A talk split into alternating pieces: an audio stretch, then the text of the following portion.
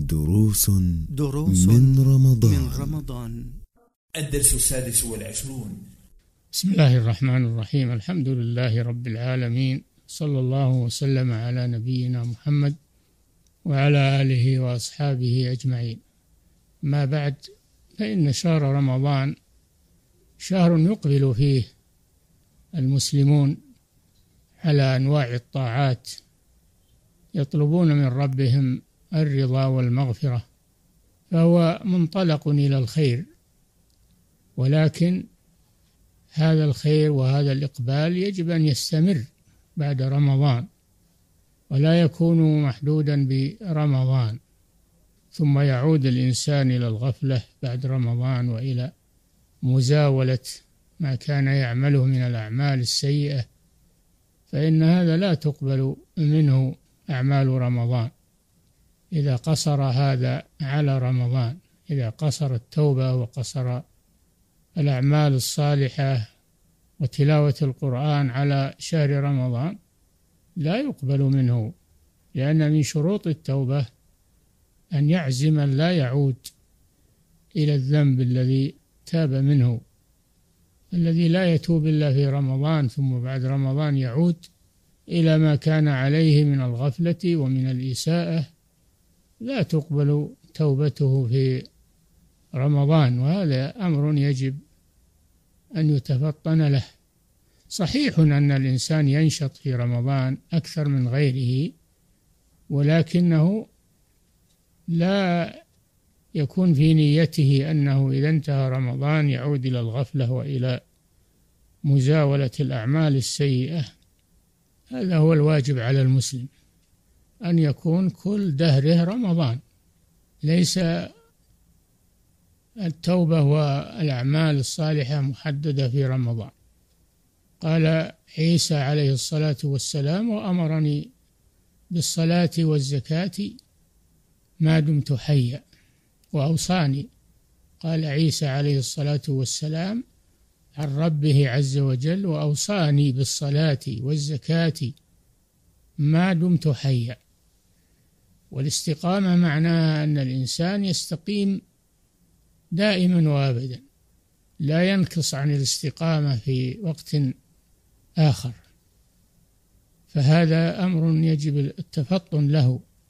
فما رمضان إلا موقظ للغافلين ومنشط للكسالى ومذكر بالآخرة فهو منطلق إلى الخير. فيما بعد رمضان إلى نهاية الحياة فليس لعمل المسلم غاية دون الموت. قال الله جل وعلا لنبيه محمد صلى الله عليه وسلم واعبد ربك حتى يأتيك اليقين يعني الموت. حتى يأتيك الموت. فليس لعمل المسلم غاية ونهاية دون الموت. هذا هو الذي يجب على المسلم في شهر رمضان وفي غير شهر رمضان. فما رمضان إلا منطلق إلى الخير ومنبه للغافل ومعود على الطاعة. فهو إنما هو موسم خير يدعو إلى ما بعده. من الأوقات أن يستغلها المسلم دائما وابدا. واعبد ربك حتى يأتيك اليقين يعني الموت. فالذي يظن أن العمل الصالح والنشاط إنما هو في رمضان فقط فإذا خرج رمضان فتر الإنسان وعاد إلى حاله السيئة. ذكر لبعض السلف أن قوما يجتهدون في رمضان فإذا انتهى رمضان انتهى اجتهادهم.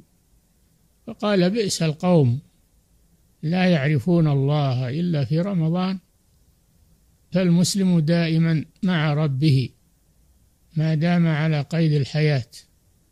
كما قال عيسى عليه السلام عن ربه عز وجل وأوصاني بالصلاة والزكاة ما دمت حيا. قال تعالى والذين هم على صلواتهم يحافظون. وفي الآية الأخرى والذين هم على صلاتهم دائمون. الواجب على المسلم أن يستغل أوقاته ومدة حياته في العمل الصالح من فرائض ونوافل.